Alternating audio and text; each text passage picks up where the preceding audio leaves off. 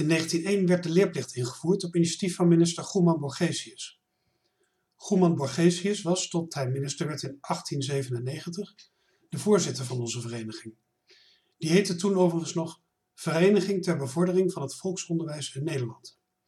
Zoals de naam duidelijk maakte, bekommerden we ons er toen vooral om dat alle kinderen in Nederland naar school zouden gaan. In die tijd ging een groot deel van de kinderen niet of slechts een paar jaar naar school om vervolgens te moeten gaan werken.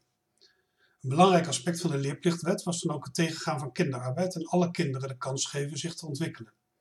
Vandaar ook dat het thema kansengelijkheid zo'n grote rol speelt in alles wat de vereniging in haar rijke 155-jarige bestaan heeft gedaan. Helaas is het heden ten dagen echter niet voor elk kind vanzelfsprekend dat het onderwijs krijgt aangeboden. Ondanks dat in diverse internationale verdragen, waar ook Nederland zich aan heeft gecommitteerd, zoals het Internationaal Verdrag in zaken de rechten van het kind, is vastgelegd dat elk kind recht heeft op onderwijs, ten behoeve van de ontwikkeling van zijn of haar persoonlijkheid, talenten en geestelijke en lichamelijke vermogens, groeit het aantal kinderen dat zonder onderwijs thuis zit tegen de klippen op. In 2014 zijn we gestart met passend onderwijs. Het concept dat elk kind thuis nabij onderwijs zou moeten krijgen dat bij hem of haar past. In dat jaar zaten er iets meer dan 4000 kinderen zonder onderwijs thuis. Inmiddels zijn het er, de cijfers zijn niet helemaal duidelijk, rond de 10.000.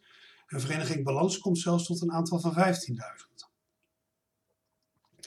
Dit zijn voor een belangrijk deel kinderen die door het systeem zijn afgeschreven.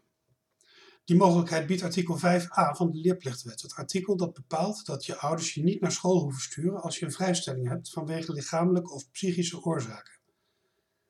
Als je eenmaal 5a op je hebt geplakt gekregen, is het afgelopen met de leerplicht en al helemaal met je leerrecht als je dat al had.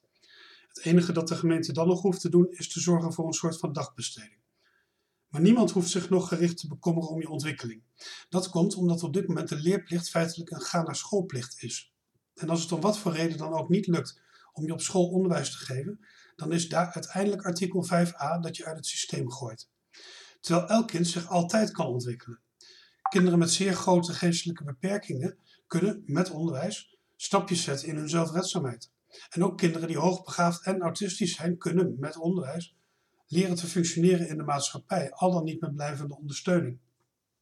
In een land waar kinderen leerrecht hebben, zou je verwachten dat alles op alles wordt gezet om dat te verwezenlijken. In de praktijk van alle dag komen duizenden kinderen tussen wal en schip terecht en worden zij, alle ongetwijfeld goede bedoelingen van alle betrokkenen ter spijt, aan hun lot overgelaten. Afgelopen maandag nam ik namens de VOO deel aan een ronde tafelgesprek over het initiatief Wetsvoorstel Leerrecht. Dat was georganiseerd door D66. Paul van Menen, Tweede Kamerlid van die partij en initiatiefnemer van het voorstel, had het gesprek georganiseerd om zoveel mogelijk informatie uit de praktijk op te halen om daarmee het wetsvoorstel zo effectief mogelijk te laten worden. Want dat het makkelijk is om, om een probleem te benoemen, maar ontzettend moeilijk om het met een heldere wet op te lossen, dat is wel duidelijk. Met vertegenwoordigers van de PO-raad, VO-raad, Iedereen, Balans, Defense for Children, Ouders en Onderwijs, VGS, Verus, Lerarencollectief, Ingrado en nog zo'n tien andere organisaties dachten we daarom mee. Het was mooi om te zien hoe oprecht de opstellers willen luisteren naar het veld. En evenzo mooi om te zien hoe breed gedeeld de wens bij alle betrokkenen is om nu daadwerkelijk te komen tot een effectieve aanpak van dit probleem. Namens de VOO heb ik ingebracht dat het afschrijven van duizenden kinderen zoals nu praktijk is, onacceptabel is. En dat we zouden moeten overwegen om dat hele artikel 5a dat dat mogelijk maakt, af te schaffen. Zolang er immers een afvoerputje is, zal het water, dat altijd het laagste punt zoekt, het weten te vinden. Afschaffen van artikel 5a dwingt de hele sector ertoe om oplossingen te vinden voor de problemen die er nu toe leiden dat kinderen worden ontheven van leerplicht, wat dus betekent dat ze geen onderwijs meer krijgen. Bovendien hebben we ervoor gepleit dat alle kinderen altijd zijn of worden ingeschreven bij een school. Want alleen dan is het duidelijk wie de partij is bij wie het leerrecht kan worden gehaald. De school. Nog te vaak gebeurt het dat kinderen die niet bij een school zijn ingeschreven en hun ouders van het kastje naar de muur worden gestuurd. Als het kind is ingeschreven bij een school, heeft de school een wettelijk verankerde zorgplicht om passend onderwijs te bieden of te organiseren, al dan niet via het samenwerkingsverband. Maar de bal ligt dan wel bij de school en de school is aanspreekbaar. Ook dat zal vast wel lastig zijn, zeker in het begin, maar er is geen goed alternatief.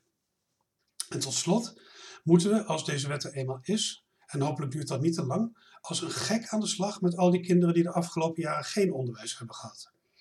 We hebben met het NPO laten zien wat er mogelijk is als we ons zorgen maken om achterstanden die door corona zijn ontstaan bij kinderen die wel al onderwijs volgen. Me dunkt dat we dan ook in staat moeten zijn om de kinderen die al jaren aan hun lot worden overgelaten, nu eens het onderwijs en de ondersteuning te gaan geven die zij zo verdienen.